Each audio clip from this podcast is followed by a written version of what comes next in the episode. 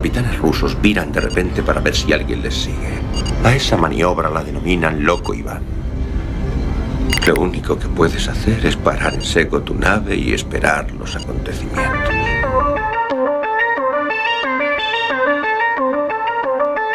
Galaxy 347 of Space Patrol calling unidentified ship.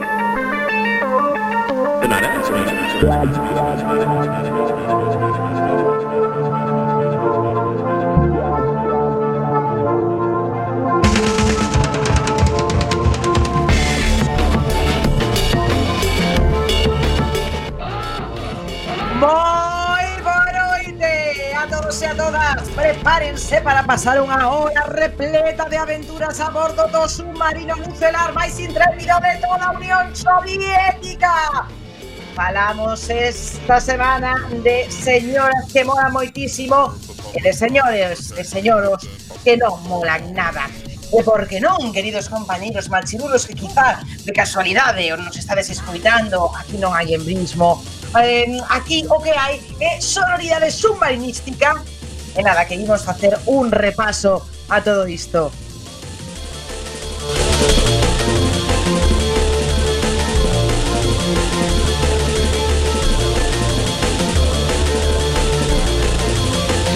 Ella sabe. Nada de esto sería posible. Senanti Vera siempre preparada para. Bueno, siempre preparada para o mal. A gran Beosca. Maltrátame vostede, eh, capitana, píllome totalmente fora de todo. Estaba pois xa quería presentar a, a súa man dereita, digo, esquerda, de perda. Xabe, xabe, hai que estar sempre atentos, como é o caso da nosa bolseira, a querida Mirova. Ola, boa noite, gloriosa capitana. Eu sempre atenta ao que vostede teña ben encomendarme. Por supuesto que nada de esto sería posible si no tuviéramos una sala de máquinas ¡ao señor Búgalo! Si no estuviera o tomaris Smendrellev na biblioteca... bueno... Muteado, ademais... ah, bueno eh, cando se dé conta, porque eh, eh, está sorrindo, pero parece que non, que responde. Vou explicar, eu trataba de falar, pero empezaron a salir todos os bocadillos que poñían a capitana quere falar, a capitana quere falar eu. Pensa, pensa, pensa, para poder quitar o mute, pero hasta agora quito. Así que, boa noite a todas e a todos. E por suposto, na sala de torpedos, a miña debilidade, o camarada Lamelo. Boa noite, camarada. Bueno, para que diga que a miña debilidade mm, me saúda así un pouco mierda, eh? Pero que xa sabe que eu son un home triste, afundido aquí nas profundidades do, da sala de torpedos, pero xa sabe que vostede é a miña devoción. Está Lenin, está Terescova, está vostede, camarada, eso xa non, non fai falla nin dicilo. Bueno, non nos vede tanto que aquí afundidos estamos todos, eh, que isto é un chumai. Iso, iso. Si, sí, pero a selector pode está por debaixo de que vos. Tal, xa, que os saúda capitán das y e Isto é lo loco Iván e ship. They're not answering.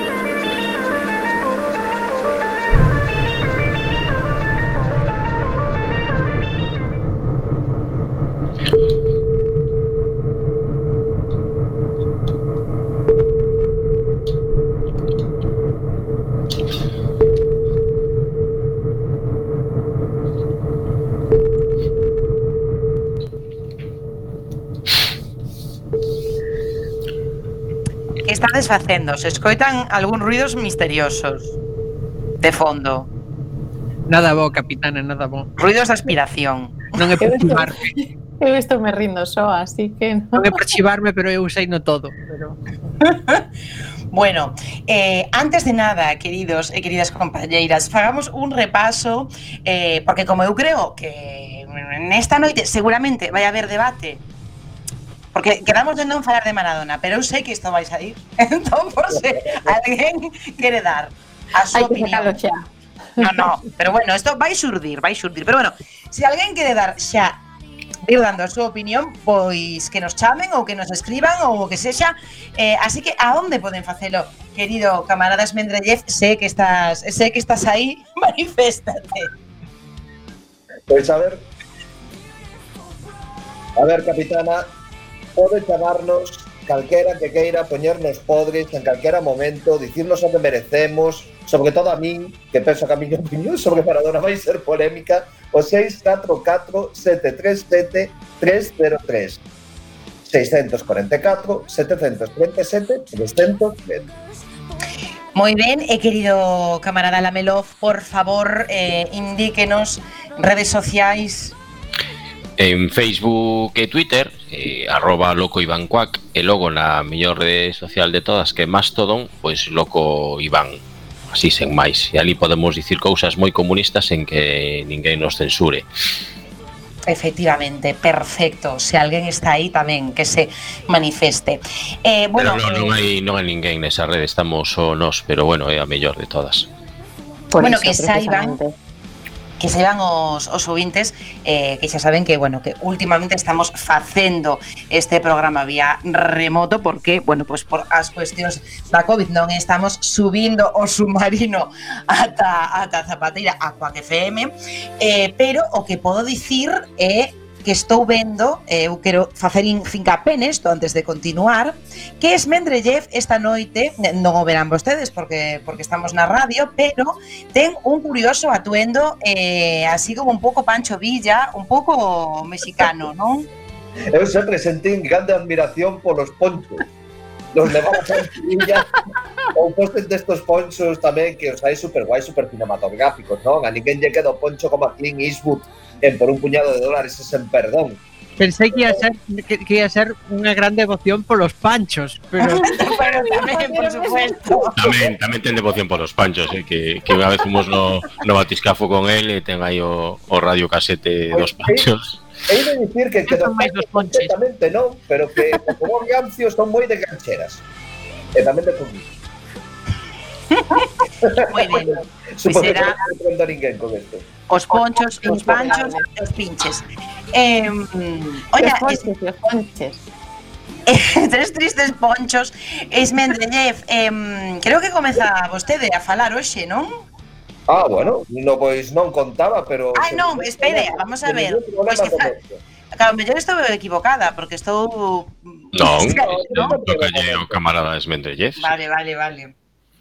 Pois vamos a lo logo. Eh, podemos empezar primeiro, antes de chegar ao señor de merda, empezamos pola señora da hostia, non?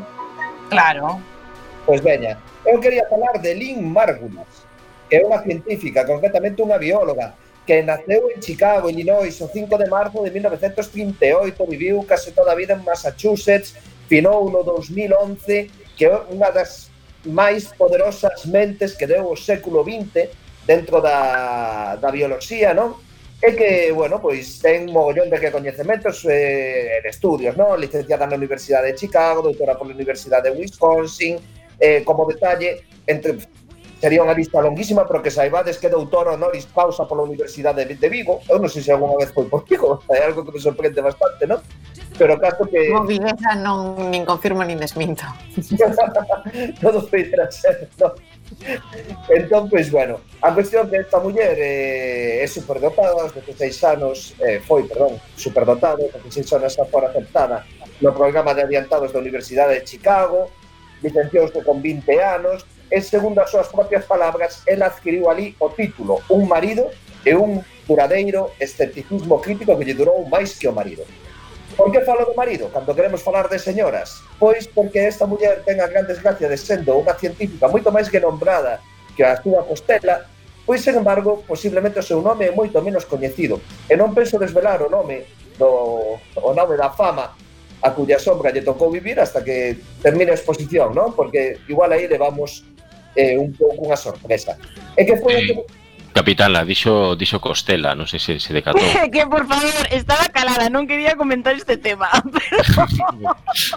so, vamos, están saliendo ahí alarmas, pero vamos, por no, todos. quería poder en este tema y me mantienen en silencio respetuoso. Pero ¿cómo que Costela de qué? Costela de barba... con, con salsa barbacoa, no hay más. Señor con salsa barbacoa. Bueno, pois esta, esta muller, esta señora, é a nai da teoría endosimbionte eh, seriada da evolución. De feito, ten moitas outras achegas a biología e a teoría da evolución en xeral, non?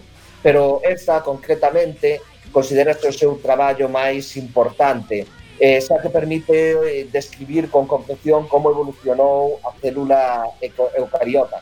Ela fixo moitísimas das cousas, non? Aparte, unha muller que foi moi innovadora Esta teoría da que falarei agora pois cambiará o cambiou os libros de texto da época para sempre, pero tamén foi das primeiras que apoiou a hipótesis Gaia por tener un exemplo do, do químico James Lovelock, eh, non non sei se vos sona, pero eh, o pai desta hipótese, de hipótese Gaia, que di que realmente o planeta Terra comportase como un organismo vivo, o cal, ao principio, foi tomado con certo escepticismo e se ao pois, agora o concepto de homeogese que este home acolleu, eh, acuñou, perdón, e que era defendeu desde o principio, tamén rompeu todos os libros de, de texto nesta, nesta década, non? Entón, esta teoría da endosimbiose xerada levoulle casi 30 anos conseguir que fora adecuadamente aceptada.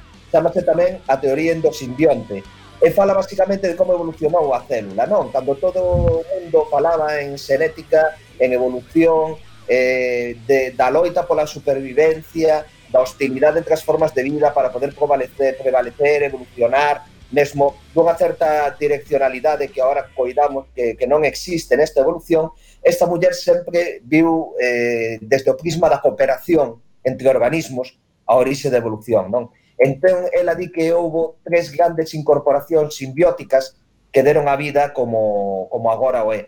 A primeira foi o que dotou as células de núcleo, que pasamos de célula eucariota, a célula eucariota, a célula eucariota.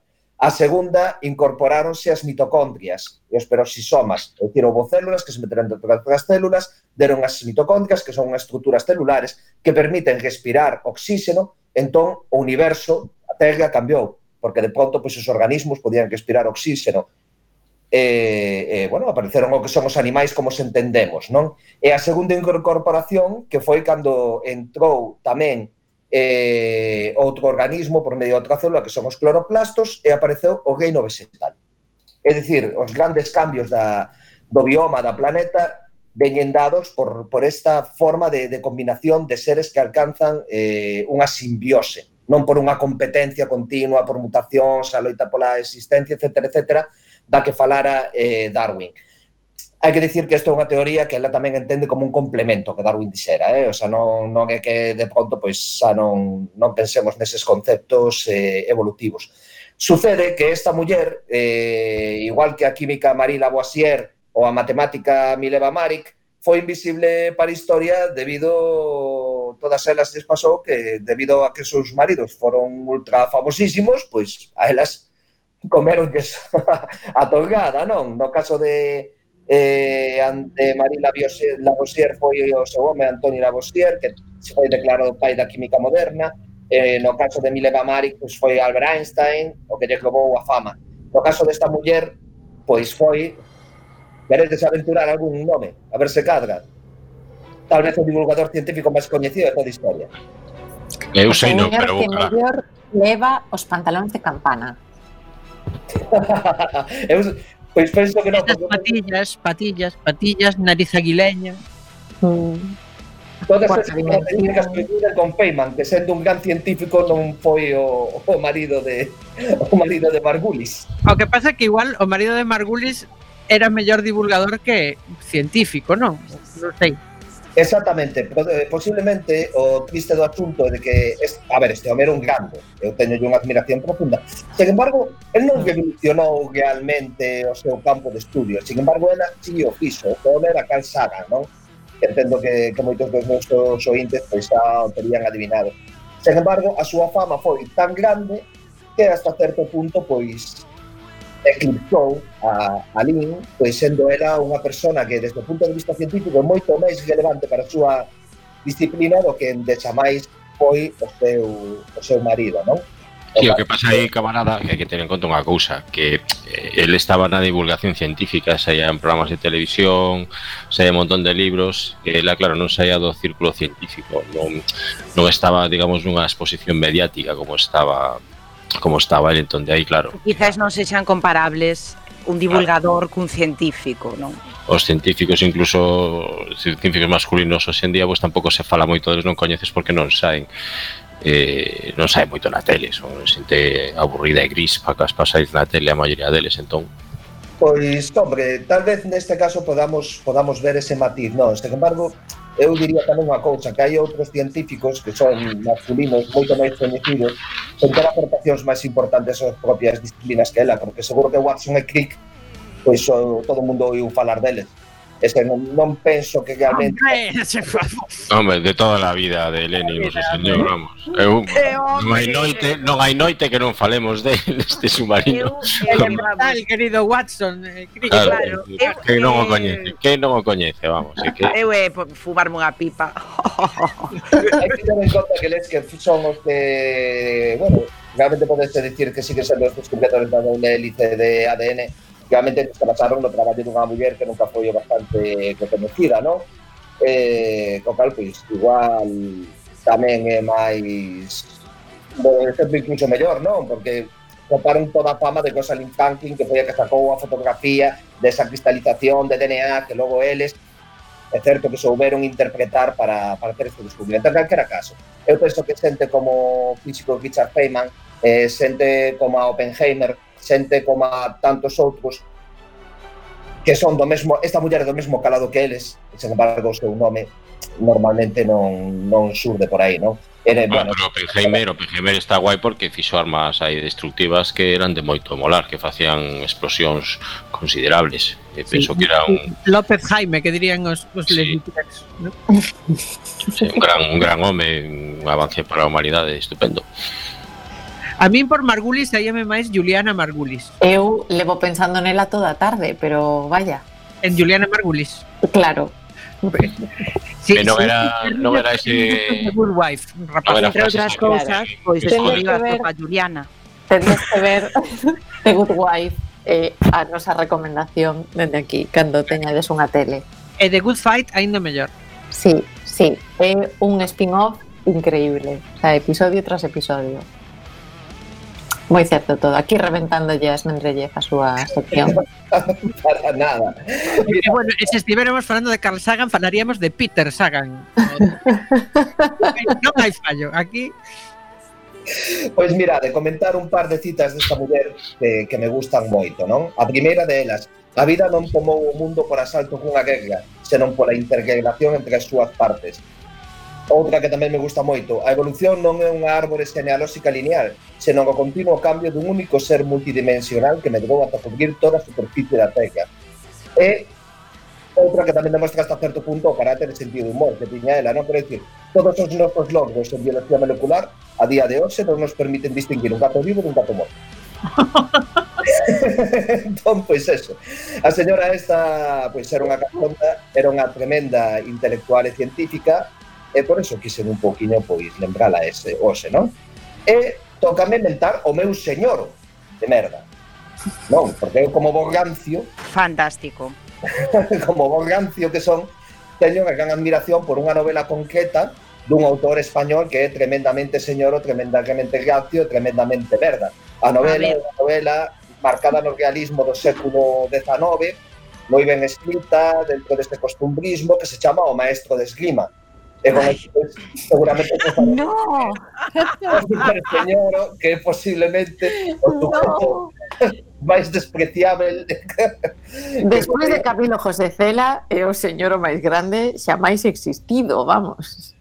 Bueno, este chegalle, estás esforzando para alcanzar o podio. No, no, digo, está Camilo José Cela que finou e este señor vai facendo moitos méritos. Este cando se senta nun vagón de tren ten que marchar todo, teñen que marchar todos os demais con menos previn. Porque polo, porque el paga eh, a entrada o seu asento eh, varios para o ego. ten, claro. ten un celebrities este home, eh? Ficharon un que era boísimo. Hostia, de... era buenísimo. Sí, sí, sí, es verdad.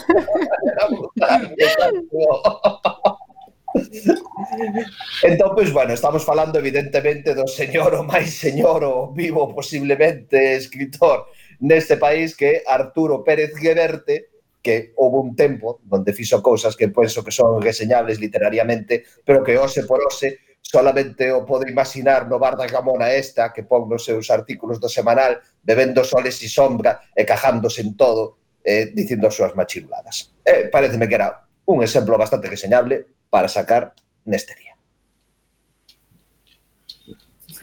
Pois Arturo Pérez Reverte, apriétate fuerte. Eh... Pero digo que, por favor, que se estrangule a sí mismo. Que a ver, non está ben, por favor. O sea, que incitemos, no, no, Arturo. Eh, bueno, pois pues adiante contigo. Eh, Ten un artigo que quero que comentar de todas formas, vale? Chámase Corbatas, buscadeo, está moi ben. Eh, que verte en estado puro. O sea, eu penso que iba, tiña que ir moi drogado o día que fixo eso e que realmente paga pena é un alegato a favor da corbata fina, que é elegante, española. Ah, é verdade, é verdade, porque ese tivo certa certa certa polémica ese non como ese artigo. Beiros, fosforitos, dignos de mafiosos e entrenadores de fútbol. É dicir, que é unha que é unha gramata. Sei algo que usa a xente para matar en Colombia, non sei moi ben. Sí, sí eu xa coñezo. Pero... bueno, por certo, que mm, antes estaba falando, eh, moito tempo antes, cando empezou a falar Mendeleev sobre, sobre as mulleres científicas, un dato eh, porque ademais eh, pois é de, de hai nada eh, é que eh, noveles pois dende 1901 Pois 871 maromos fronte 54 señoras. Así que aí queda. Eh, a maioría, por suposto, noveles eh, as mulleres de literatura ou da paz, o sea que inda queda bastante, bastante moitísimo por andar eh, no terreno da visibilización da muller na, na ciencia. Pero e tamén nada, hai que dicir unha cousa, camarada, o Premio Nobel é un premio totalmente desprestixiado, un premio que, por exemplo, no tema do Nobel da Paz, que gañou Obama, que gañou Kissinger, que podes esperar un premio así? Pero algunha vez viche de unha foto do xurado do Premio Nobel? Pero si son unha panda de momias. millóns de anos teñen entre todos. No, non están a, eh, fan as reunións en Atapuerca os tipos, non? Joder, xa o sei, pero bueno. É, eh... un premio, é un premio de merda totalmente desacreditado. Unha manada, de vellos. Que eh, vamos, hombre. Está, eh, está o Nobel e logo está o de o este do, da princesa Sofía ou, ou como princesa de Asturias ou como que son igual de premios de merda todos que non valen ni, ni, ni para plantar nabos en Siberia. E de feito, gustoume moito. Que conste que o millón de dólares que che dan co premio Nobel, a ver, igual non quedaba, eh. Non, mas se fueran rublos aínda, pero Bueno, o cambio onde vas gastar? Na talla onde vas gastar ali. Tamén é verdade. Eh. Tamén é verdade. Aquí abaixo para que eu quero.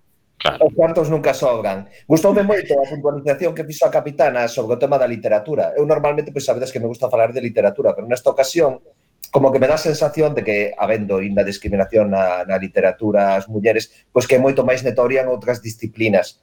Entón, especialmente eu coido que en ciencias é algo que se nota moito, moito, moito. Ciencias en señería. Eh, bueno, podese ver efectivamente nesos premios en, en moitas cousas máis. Que, bueno, sí. que pasa? Que non falades Porque eu estou aquí comprobando Se estou falando en mute ou non eh, Aquí se fai o silencio outra vez que se joda radio. Así que eh, evaporación no sé. Pero es que sería de este programa sin todos estos silencios, por favor. Claro, claro, que sería de este programa. Pues, sería un, un, silencio de reflexión. Eh, de, de reflexión. Ahí se queda. Estaba eh, el loco de la colina, aquel, eh, no, o sea, estamos Exactamente. eh, Jesús Hermida. Eh, eu xa non sei a quen lle toca agora, porque eu polos, polas miñas contas eh, ten que falar o, o camarada Lamelov, pero Pois eh, Como aquí fale... está hoxe por non contestarme Pois Non, non sei Pois veña, doulle, e se me mete aí un corte estupendo o camarada Vigalov. Vai ser que non, de momento. todo, todo encaixa como un, como un multicolor. Bueno, pues que, que, que vaya a camarada, a camarada Milova aquí, que está aí. A camarada Milova está aburrendo. Estaba vai como un guante de seda. Isto. A ver, por favor, por favor, se alguén ten algo que dicir, se non vamos a falar de Maradona. Así que, a ver, que Non, non, non. Maradona. Bon, bon. A situación Maradona é unha opción, non? Non sei. Non. Bueno, a ver. Deixa de me serenar. Deixa de... Porque este paso a min bótame do do submarino. Bueno, pois aquí está me avisando Jitsi de que o meu micrófono fai moito ruido, non o podo evitar, non sei rirme baixiño. Eh, vamos a ver, eu tiña, claro, que pasa, cousas do directo, eu tiña unha cousa preparada despois de que falasen estes dous gloriosos señores, pero como o camarada Lamelov deu patada a seguir, pois alabou. Eh, e é que eh, neste programa pues, estábamos a falar de eh, gloriosísimas señoras e grandes mulleres da historia, cousa que eh, nos parece moi fascinante, pero a min o que realmente me interesa, o que de verdade eh, me apaixonaría saber e penso que toda aquela persoa alimaña ou infraser que este a escoitar o loco Iván agora mesmo estará de acordo comigo é eh, coñecer un pouco máis as gloriosas e grandísimas mulleres que temos a bordo deste submarino nucelar. E esta vai ser a miña entrevista trampa a camarada Beosca e a capitana Ibarruri. Oxe, compañeira. Que sorpresa, ni que non tivéramos, non, non tiveramos visto no guión. Eh, Pero es, como soles, están de reventar millas, ningún tipo de contido e te inventaches isto, ¿no? correcto, es correcto. Nin confirmo, nin desminto que escribís en 4 minutos. As 9.40 despois de non atopar nada toda a tarde. Eh, Pero como son bolseira, a mí se me permite facer estas cousas. Vos que tendes rangos máis elevados, pois xa vos vai no soldo, si que cobrades. A ver. Eh, pero bueno, a ver, o que iba. Oxe, quero que me contedes como chegastes vos aquí, os vosos ancellos, as vosas miserias, ou se cadra, decir que sei, diso non tedes, porque sodes moi gloriosas. Así que, vela, aí vai esta a miña entrevista ás miñas compañeras camaradas deste maravilloso submarino. Camarada de Osca, vou comezar por ti e fago un silencio un pouco dramático. Sempre quixen saber como chegou vostede a este submarino nucelar? Camarada de Oscar, me castiga, Vou tirar o silencio dramático para que eu poida castígame co seu silencio. Bueno, pois eu evidentemente quería eh, loitar pola miña patria, pola nai Rusia, eu quería ser capitana de submarino, pero bueno, todos ah. os submarinos estaban collidos. Así que mm, tratei de atopar un no que as miñas capacidades fosen ben vistas ou que nun momento dado mm, a través de, digamos, calquera medio, motín ou quero dicir medio, eh, pudese chegar a amosar realmente o, o, o que valgo. Ajá, falaremos diso dentro dun anaco. Querida gloriosísima capitana, cal é a verdadeira motivación que a levou a liderar tan gloriosamente a esta tripulación de descarriados? Bueno, pois a miña nai era capitana, a miña outra nai tamén era capitana, a miña avoa era capitana, a miña outra avoa era capitana. E, bueno, pois realmente eh, creo que estaba ben claro o que tiña que ser. Sin embargo, eh, é aquí unha cousa que eu teño que explicar eh, debido a, a miña tendencia cara eh, a victoria eh, absoluta, pois sempre busco eh, tripulacións máis ben tirando a mediocres eh, de forma que eu así poida eh, pois poñer máis en marcha mm, que se noten máis as miñas dotes de mando. Eh, bueno, nada máis que, nada máis que engadir moi ben, moi ben coa fusta esa coa que me golpea de vez en cando. Camarada de eh, Xa falaremos diso despois. Camarada Pero non era eu a, a súa debilidade, eh, acaban de engañarme. bueno, eh, acaba de descubrirse ver, todo o petate. Todo a ver, justa hai para todo o mundo que, que quería. O sea, pero eu pensaba que era para mí só. Mira, non vale. A xente que oh. quera fusta o Mastodon, por exemplo, pode falar con nós, pode entrar nesta rede social e eh, eh, a cousa é quedar. O señor Mastodon, por favor, que se. A cousa é quedar, porque a de que coa fusta eu manteño a distancia social, eh? A dist... non hai non hai problema ningún. Eh eu quedo sin palabras despois disto. Eh, camarada Beosca, volvo a vostede. Dígame. Se tivese que escoller unha soa cousa que dedicarse ao resto da súa vida, cal sería? A revolución? Os gatos? Que clase de pregunta é esa? A revolución dos gatos, por suposto. Caramba, non considerara. Como pensa vostede entón liderar a revolución a través dos gatos? Iso interésame como un convivinte con dous seres destes, por favor? Pois primeiro convencendo aos gatos, mmm, hai un xeito bastante doado que é rascándolles entre os ollos e, e despois xa faz o que quere. é moi certo iso, tomo boa nota. Gloriosa capitana volvo a vostede. Se tivese que escoller entre o calor dun Kalashnikov recén disparado e o cheiro a podremia dos cadáveres dos inimigos da patria, con cal das dúas se quedaría? Home, con cheiro a podremia sempre. O sea, se hai, se hai xente caída inimiga, sempre. Non teño dúbida. O que pasa que tamén unha cousa ven detrás da outra. Claro, Sabes, iso era primeiro cheira a Kalashnikov e, home, logo ten que ter un tempo, pero acaba cheirando a morto pero eu, eh, vamos, eu non deixo prisioneros. É unha gran verdade esa. Solo bolseiras. Solo bolseiras. Eh, xa me vai dicindo vostede cando vai acabar esta, Agora, esta entrevista. Nada máis. No, no, no, isto aquí como non hai música, como non hai nada, pois pues isto toca longalo o que dé. O sea, hai que estirar o chicle. Así que, camarada Beosca, pensa vostede perpetrar o seu golpe ao goberno do terror da gloriosísima e excelsa capitana ou sigue sendo segredo? Home, Eu non vou dicir que este submarino cada vez é máis un caos, non hai máis que pensar nos que escoitar, no? de as 10 da noite ou nos programas anteriores. Pero, bueno, a ver, mmm, hai que tomar as medidas que hai que tomar polas canles que hai que tomar oficialmente ou non, logo mando un telegrama e falamos. Correcto. Claro. Pero mándemo, pero mándemo segredo. Deses que se poden eliminar solos. Sí, sí, sí, sí. Eu creo que tamén podedes falar por Mastodon de feito coa xente das fustas. De quedar ali para, para facer algo. Como non hai ninguén.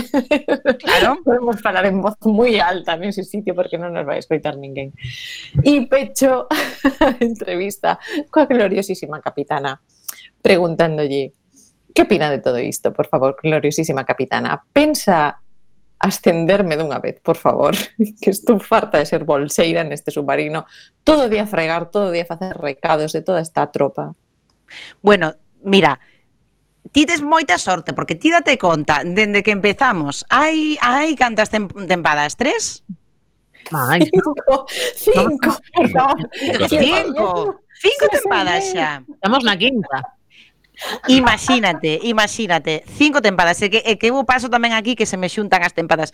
Claro, Pero claro, imagínate, claro. dende que empezamos, hai cinco tempadas, a canta xentes terminei, que xa non está, sabes? Ti te acordas? A esquerda rupturista ten estas cousas. Vamos, ti acórdate. Acor te acordas de Conachova? No, non está. Xa non. Eh, de, de Defco, Non está. A, a o xefe de cociña Ai, eh, pobre, eh, pero, eh, eh, el, el vai volver, eh, o xefe de cociña, o que pasa é que o teño en, en misión secreta, pero tamén porque se estivo poñendo un pouco golfo, eh, entón non me o, o mandei de Erasmus, pero vamos, quero dicir a fregar, a fregar outras cañerías. Claro, eh, esta Janov Nada. Pois, oye, nunca, ya marchou o do batiscafo, estamos esperando que volva, así que mm, ollo. cinco anos limpando o submarino por fora. Está por eso, no? así que eu, eu creo que ti, vamos, queixa, queixa ninguna debes ter.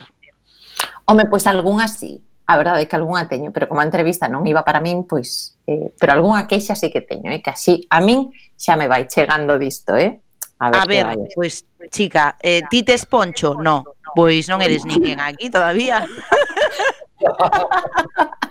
non me fagas falar de Pancho, porque entonces Entendes? volvo outra vez á esquerda rupturista e non pode ser, porque estou sempre facendo o mesmo chiste e non pode ser. De pois pues non pode Pancho, ser porque deso non se acorda nadie, entón a xente os ouvintes non entenden as nos, os nosos códigos. contidos.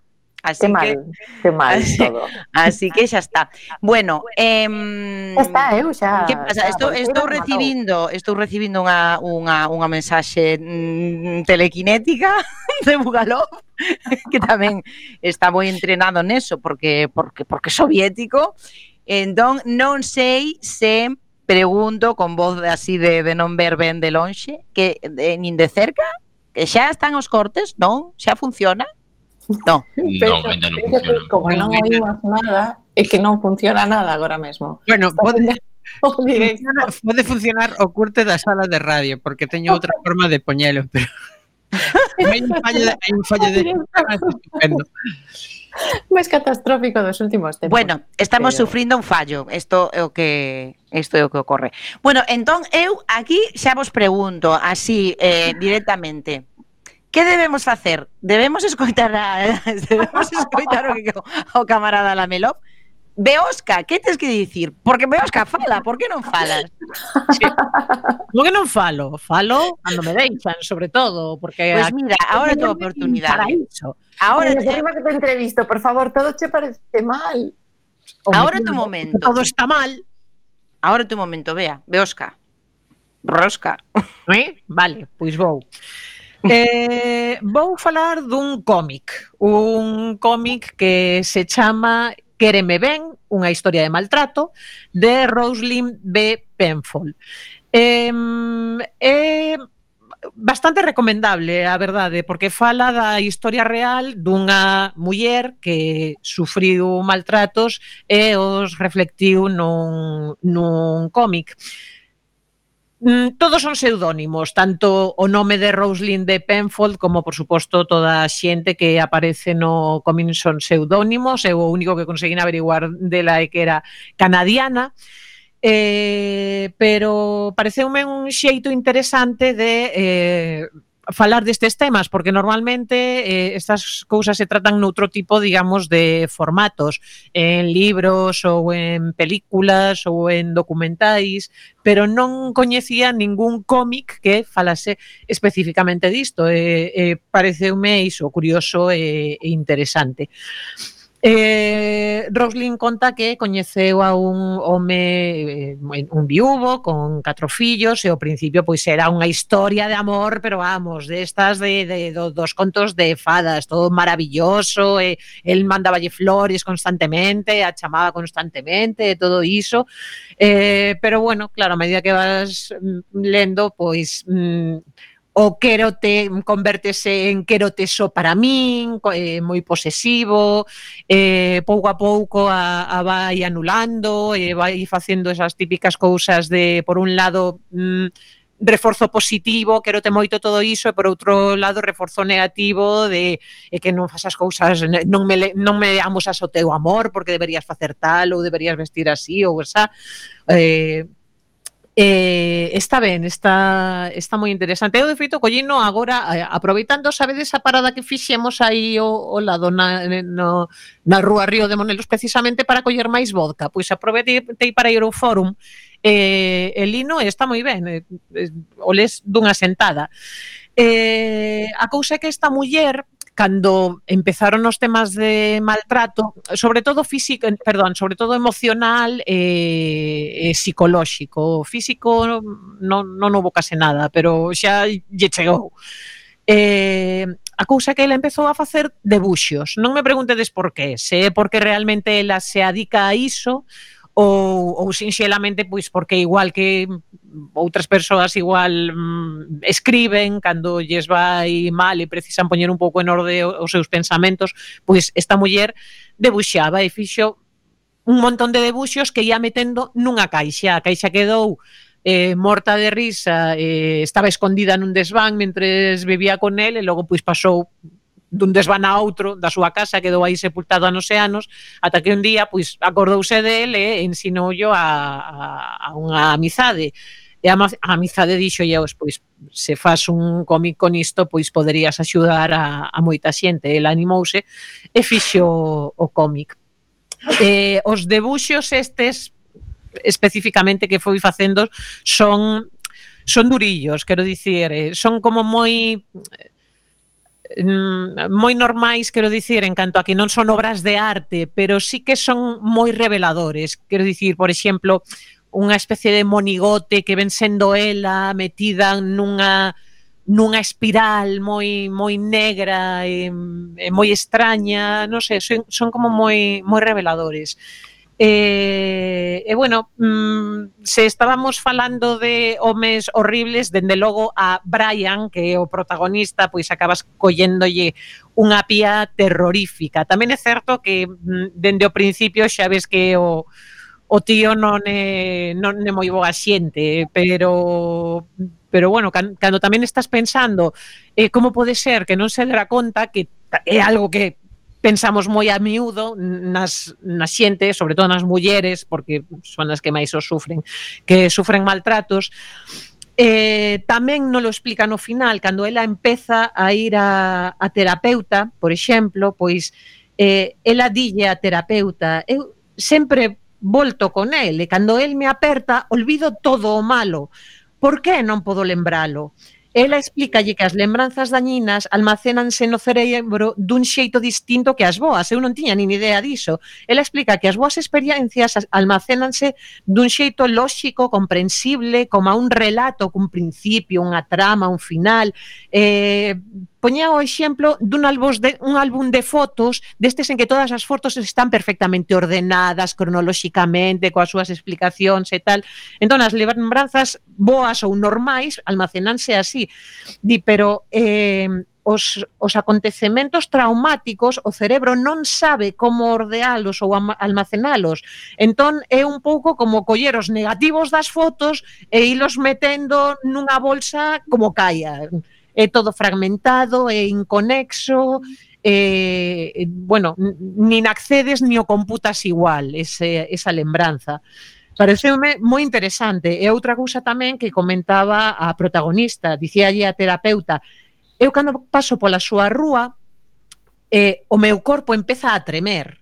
E a terapeuta explicaba, Eh, es que iso é un sistema de alarma porque o corpo si lembra, pareceme curiosísimo tamén, dixo si lembra e segrega adrenalina e o problema da adrenalina é que aínda que te está preparando para para un ataque, unha fuxida, un algo mm, a priori malo, é adictivo.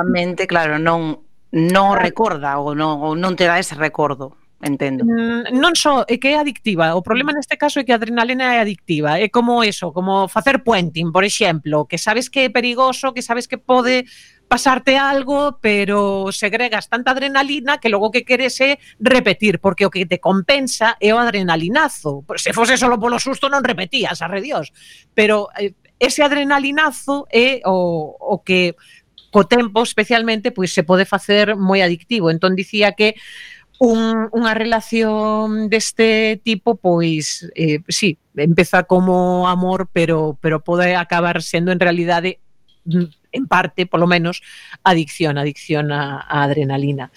Eh, entón, bueno, pois esa é a miña recomendación de hoxe, xa vos digo que ademais, ademais o podedes conseguir nas, nas bibliotecas municipais, na do Fórum no, porque agora mesmo o exemplar o teño eu, pero devolvo mañán, e, eh, e o les nunha sentada, nada. De que editorial é? Non sei se o tes por aí para... Mm, sí, pero teño o, o teño ao fondo do batiscafo, se quere. vale, bueno, no, no, no, no, no, non pasa nada, non pasa nada.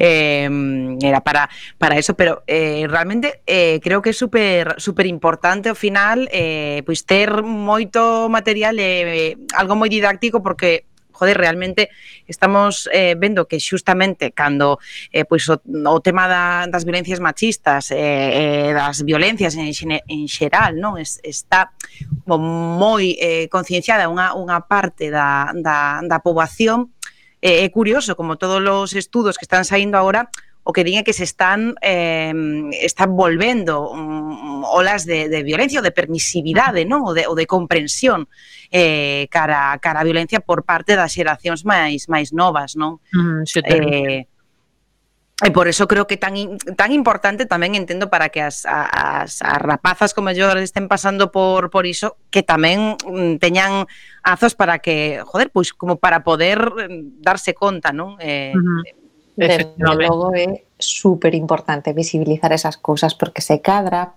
cousas que ti tes absolutamente normalizadas. Claro, es, es... non as ves ata que alguén dende fora te asinala ou ata que as ves reflectidas noutro sitio e te decatas de que vaya, se cadra iso non está tan ben e é super importante. Uh -huh.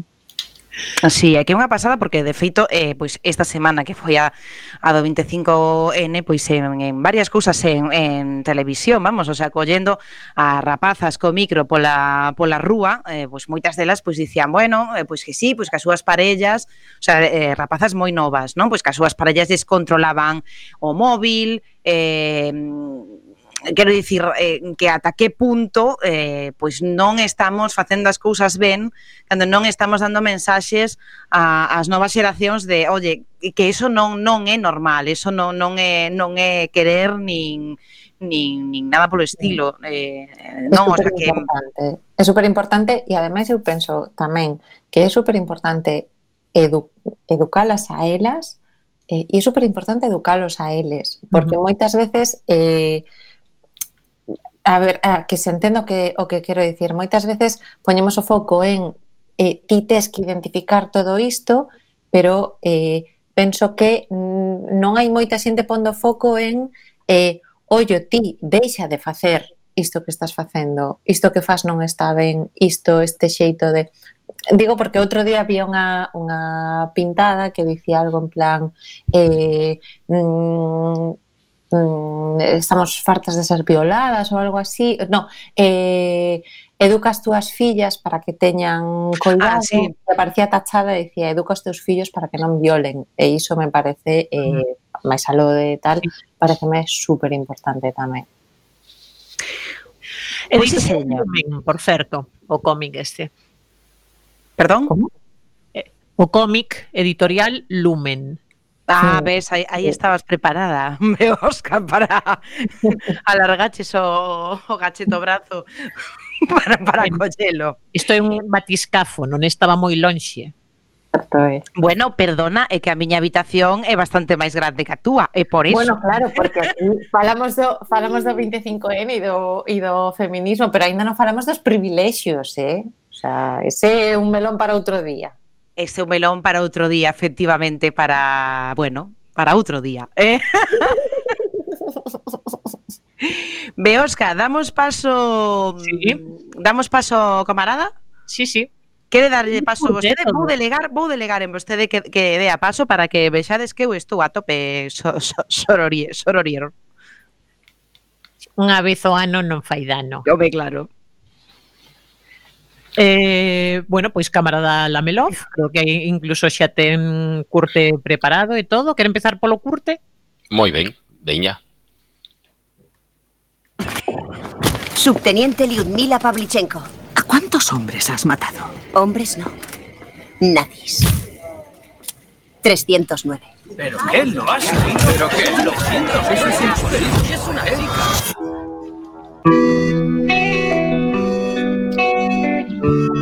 pois a maior guerra da historia foi a Segunda Guerra Mundial, que lle chamamos a Gran Guerra da Terra Nai, foi máis extrema de todas eh, e deixando pois moitísimos millóns de, de mortos. Eh, fora da nosa patria, xa sabedes que a propaganda fixo con mérito levaron os aliados, pero a historia sabe que fomos nos basicamente os que levamos todo o peso. Pero o que quería falar era de, das mulleres nesa guerra e a diferencia social tamén que había na época entre os aliados occidentais e os soviéticos mentras no resto de exércitos, incluindo alemán, as mulleres tiñan maiormente unha labor asistencial, en atención a feridos ou fabricación de material de guerra. Na, na nosa patria, as mulleres loitaban ao mesmo nivel que os homes, sendo ademais o único país que tiña mulleres en todos os corpos do exército, máis dun millón de total de, de mulleres que formaron parte do glorioso exército que derrotou aos nazis. E de todas as unidades de mulleres que participaron na guerra, as que máis fama acabaron foron as francotiradoras e as aviadoras, algunhas delas recoñecidas heroínas da Unión Soviética como Ludmila Pavlichenko que sai aí no, no curte eh, bueno, que era unha das máis de 2.000 mulleres francotiradoras que, que formaron parte do exército vermello. Ela conseguiu abatir 309 nazis, como dicía, que, que dicía además que non eran persoas, e foi unha celebridade tanto dentro e fora da URSS porque o, bueno, o goberno o servicio de propaganda e inteligencia eh, da URSS pois, organizou unha xira por Estados Unidos na que Nuzmila tentaría conseguir o apoio para a guerra contra, contra os nazis. Hai unha película chamada Batalla por Sebastopol, dirixida no ano 2015 por Sergei Morinsky, e eh, que conta a súa historia, especialmente a súa relación con Eleanor Roosevelt, a cal se interesou moito pola, pola súa vida, e din, din que chegaron a cadar certa amizade. Supoño que Ludmila estaría disimulando, obviamente. Pois, Foi a primeira. Vi, a, vi a película, por certo, eh, sí, eu creo que estaba, estaba disimulando, vamos. Sí, yeah. totalmente. Bueno, a película é a batalla por Sebastopol, que, que tamén se pode ver por internet. Está, bueno, está bastante ben, a verdade. Eh.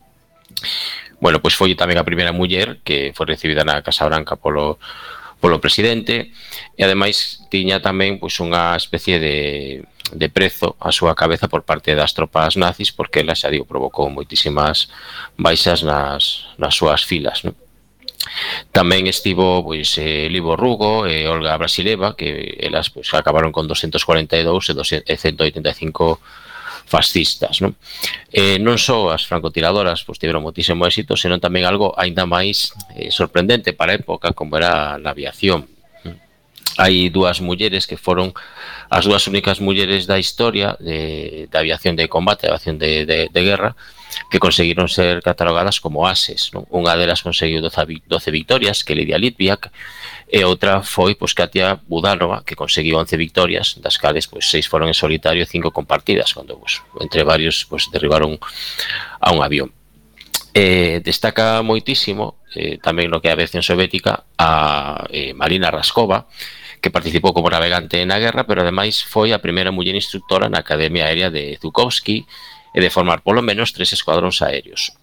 E un deses escuadróns foi o chamado 578 Regimento de Bombardeo Nocturno, que se coñecía popularmente polo nome que lle daban os nazis, que se chamaban as Bruxas Nocturnas, que estaba formado exclusivamente por mulleres que se dedicaban a bombardear sistemáticamente as posicións alemanas pola noite aos mandos dos biplanos Polikarpov, eh, PO2 ou tamén, bueno, coñecidos eh, fora máis coñecidos vamos polo nome U2, aínda que non ten nada que ver co, co grupo.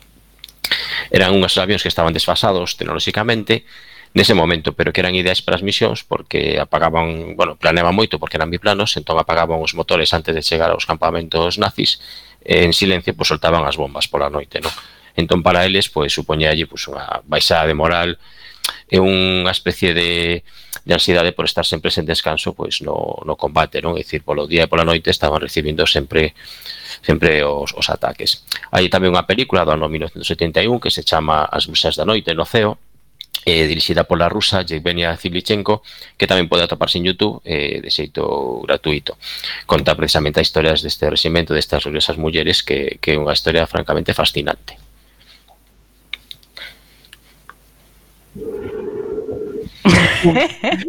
e xa está. Quería deixar este, este, este silencio Eh, oye, pois non sei, eh, vamos bastante pillados de tempo, pero non sei eh, se podemos ah, ir ou non a Quedan a, a sala de radio ou que decides? Sí, podemos facer, sí, fago eu ruidiño. Perfecto. Xa estamos, xa estamos na sala de radio. Eh, Pois eu vos traio hoxe a unha a unha muller que se que se a violencia de xénero, a violencia contra as mulleres eh, tivese un ranking esta señora pois igual igual estaba moi alto no caixón, moi alta no caixón. Eh, ela, bueno, a súa nai cando a deu a luz tiña 13 anos, o seu pai 15, foi violada antes dos 10 anos, aos 12 exercía prostitución en, en Nova York. Eh, un historial bastante terrible. Só tiña eh, unha tesitura dunha oitava, que é bastante bastante pouco. E morreu moi nova, aos 44 anos, víctima da cirrosis hepática polo uso continuado das drogas, da heroína e do alcohol. E nunca na súa vida tivo unha relación que non fose abusiva. Uh, tivo varias con músicos, normalmente de jazz, e todas foron mal. Eh, bueno, tremendo. E aínda así, aínda así, era capaz de facer cousas como esta que vos vou poñer.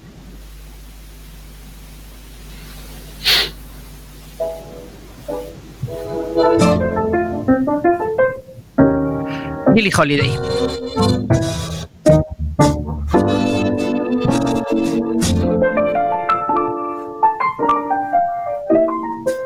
all of me. Why not take all of me?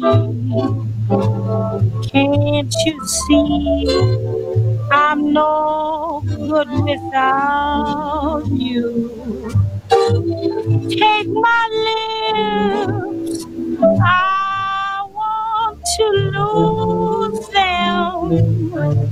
Take my arms, I'll never use them. Your goodbye left me with eyes that cry. How can I go on, dear, without you? You took the part that once was my heart. So why not take all of me?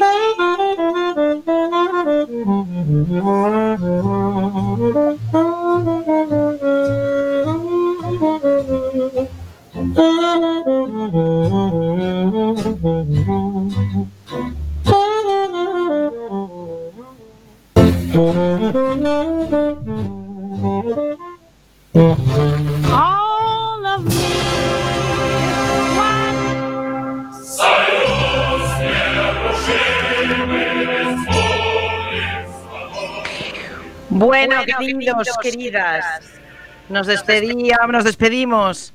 non nos despedíamos mellor que con ninguén, con, con Billy Holiday, eh, nada, que o pasedes moi ben, que teñades sempre moita sororidade, que sempre estedes, non deixedes a ninguna camarada pro, polo camiño, que miredes moito, e que vos queremos moitísimo e que volvemos nunha semana máis e mellor.